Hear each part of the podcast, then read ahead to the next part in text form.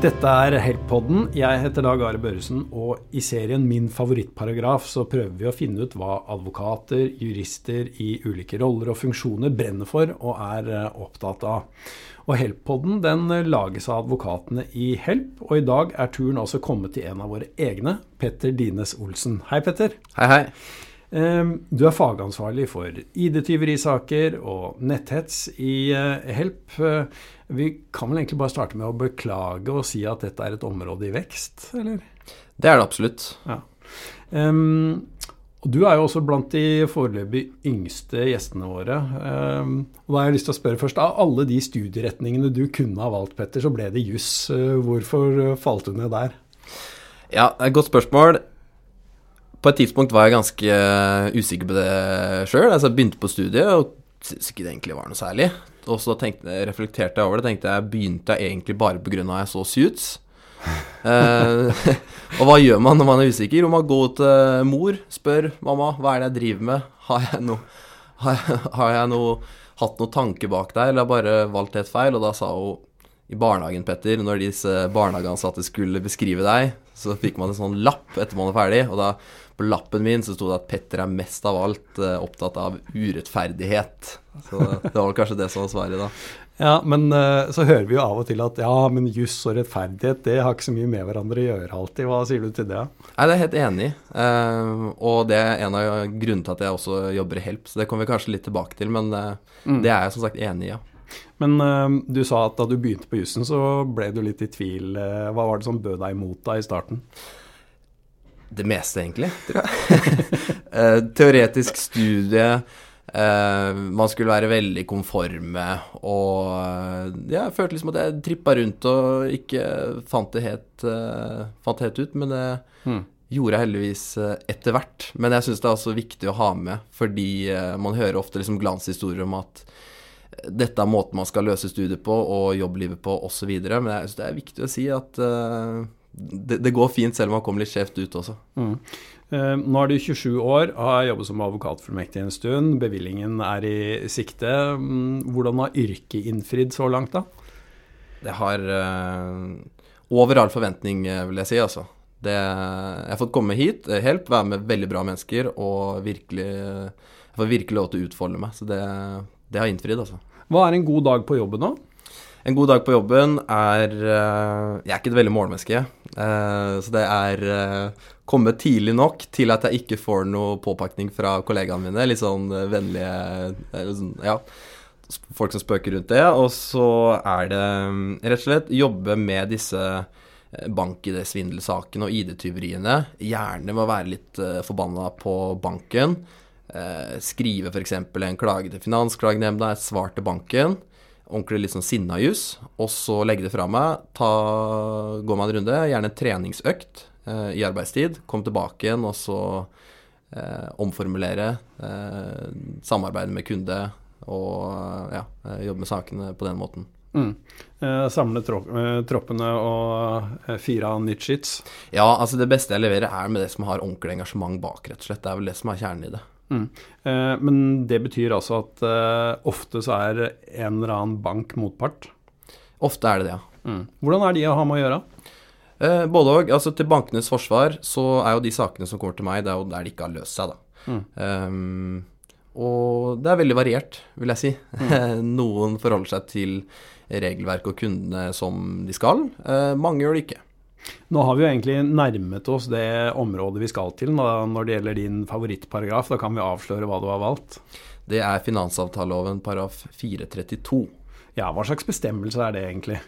Det er på mange måter inngangsporten til de rettighetene et svindeloffer eh, skal ha når man har mhm. blitt utsatt for misbruk av eh, konto eller bank-ID, mm. Eh, og rettighetene som banken skal ivareta ja. og følge. Du, det er en ganske lang bestemmelse, finansavtalelovens paragraf 432. Og den som vil lese nøyaktig ordlyd, kan jo bare gå inn eh, i bestemmelsen selv. Men eh, skal vi si litt mer generelt hvilke eh, rettigheter den gir oss som kunder, og hvilke plikter den gir til bankene eller finansinstitusjonene? Det kan man gjøre. Altså, I korte trekk så sier bestemmelsen det at hvis en kunde eh, gir beskjed til banken om at man har eh, f.eks. oppdaga transaksjoner ut fra konto som man ikke vedkjenner seg, så skal banken føre pengene tilbake på eh, konto, og så kan man gi en tilbakemelding til kunden straks og innen påfølgende virkedag. Så det er en, eh, en paragraf som får ballen til å rulle i disse svindelsakene. Og det som kanskje er aller viktigst, er at den gir en såkalt eh, prosessbyrde til banken. Og det betyr at hvis banken skal holde kunden ansvarlig for den svindelen som eh, kunden har blitt utsatt for, så er det banken som må ta saken videre. Mm. Man kunne jo tenke seg det motsatte, at det er kunden som må foreta seg noe. Og det eh, Da står det en helt annen rettsstilling enn eh, sånn bestemmelsen er i dag. Ja, så Denne øh, bestemmelsen er et godt verktøy for deg da, når du øh, kjemper kundens sak mot en bank? Ja, den skal være et veldig godt verktøy, fordi eh, man skal som kunde da ikke stå på bar bakke med tom konto og er den som skulle da måtte krangle med den ressurssterke banken. Men så ser vi jo at i praksis så er det ikke sånn den fungerer. Og det er jo derfor det er en favorittparagraf for min del, fordi den gir også kilde til eh, kanskje feiltolkning, feilpraktisering og eh, god grunn for å også drive rettspolitisk arbeid for at eh, det her skal gjøres riktig. Mm. Du, hva kan en typisk sak eh, som du får inn, eh, hvor denne bestemmelsen her er relevant, da være? Det kan være at uh, Altså, vi har mange ulike typer uh, svindel. Altså, mange saker går ut på Vi har hatt disse Olga-svindelsakene og saker med sosial manipulasjon hvor det blir oppringt fra uh, troverdige svindlere og blir lurt til å oppgi informasjon fra bank-ID. Og så blir den informasjonen misbrukt til å overføre penger ut fra konto.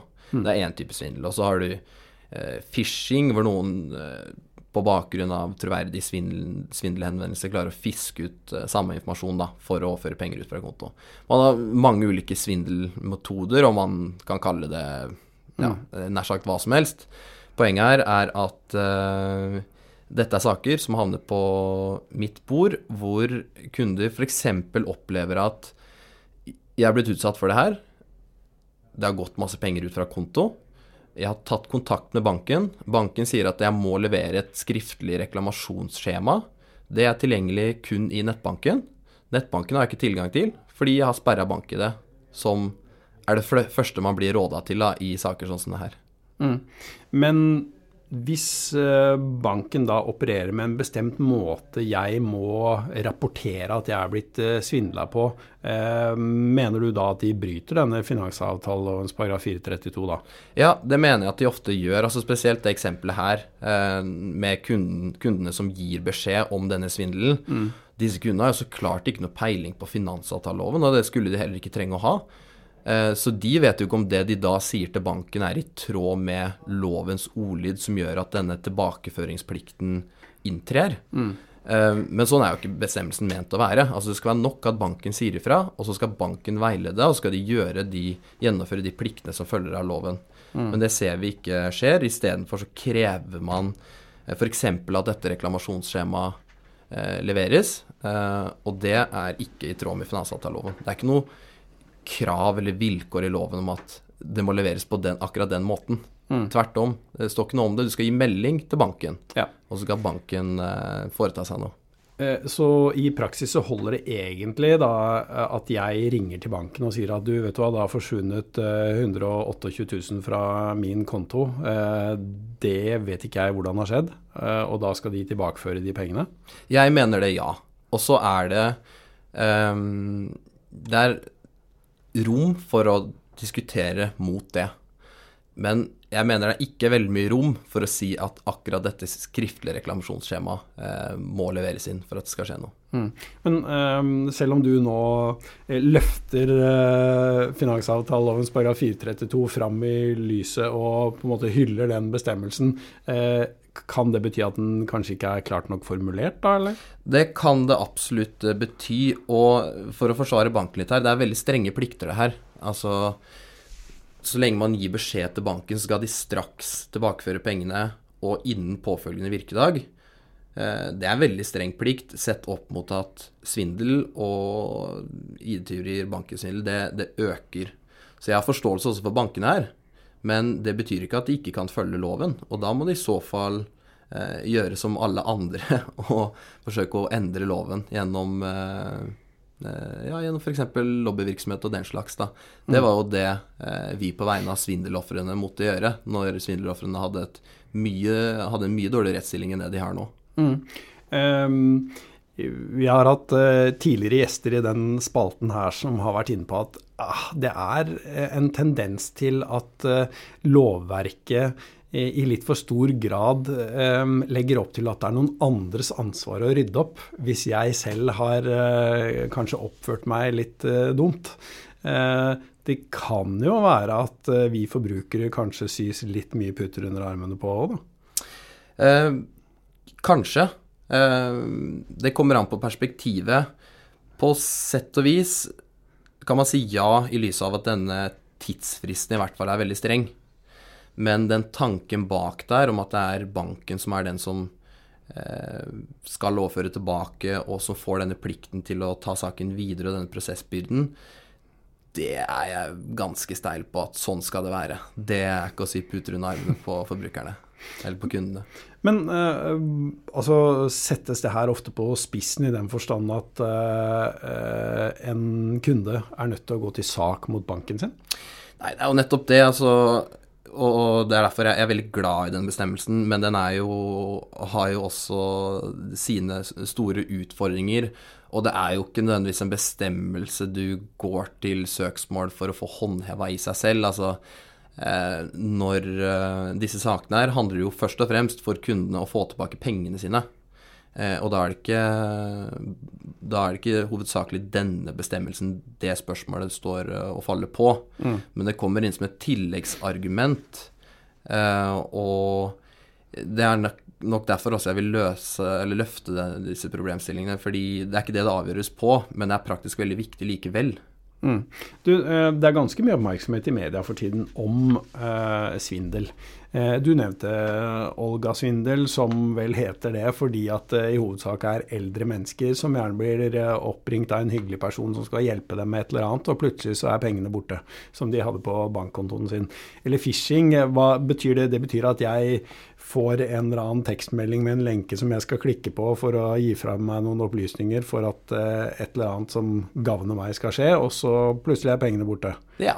ja. Uh, kan det være at vi forbrukere er litt for godtroende også, eller? Absolutt. Eh, noen er det. Men da er det ikke Det betyr likevel ikke at denne bestemmelsen ikke skal håndheves sånn som den skal. men for å snu det rundt, da. Eh, ja, det finnes noen eh, kunder som er godtroende, og som blir lurt, og kanskje blir lurt flere ganger. Eh, det er ikke bra. Og man må jo så klart forsøke å heve da kompetansen i befolkningen. Men samtidig, det her er jo også utslag av en risiko som er skapt ved at vi kun har fått automatiserte løsninger som gjør at denne svindelen her blir mulig. Og det er løsninger banken tjener masse, masse penger på. Så det at eh, i så fall noen godtroende kunder eh, får betalt, selv om de har vært, eller får tilbake pengene selv om de har vært uforsiktige, det mener jeg bare sånn skal være. Mm. Um, Tusen takk for at du løftet uh, finansavtalelovens paragraf 432 fram i lyset, Petter Dines Olsen. Um, nå har vi snakket rundt den. Den som er interessert i nøyaktig ordlyd, kan gå inn og lese bestemmelsen selv. Men skal vi runde av med å oppsummere hvilke plikter den gir banken min? Når banken får beskjed om svindel som har medført at, kunden, at det har gått penger ut fra kundens konto som kunden ikke vedkjenner seg, så skal banken tilbakeføre eh, pengene. Og så skal de hjelpe kundene med å finne en måte å eh, f.eks. levere reklamasjonsskjema eller den informasjonen som banken trenger for å få behandla saken eh, fullt ut. Tusen takk, Petter Dine Solsen. Tusen takk for meg.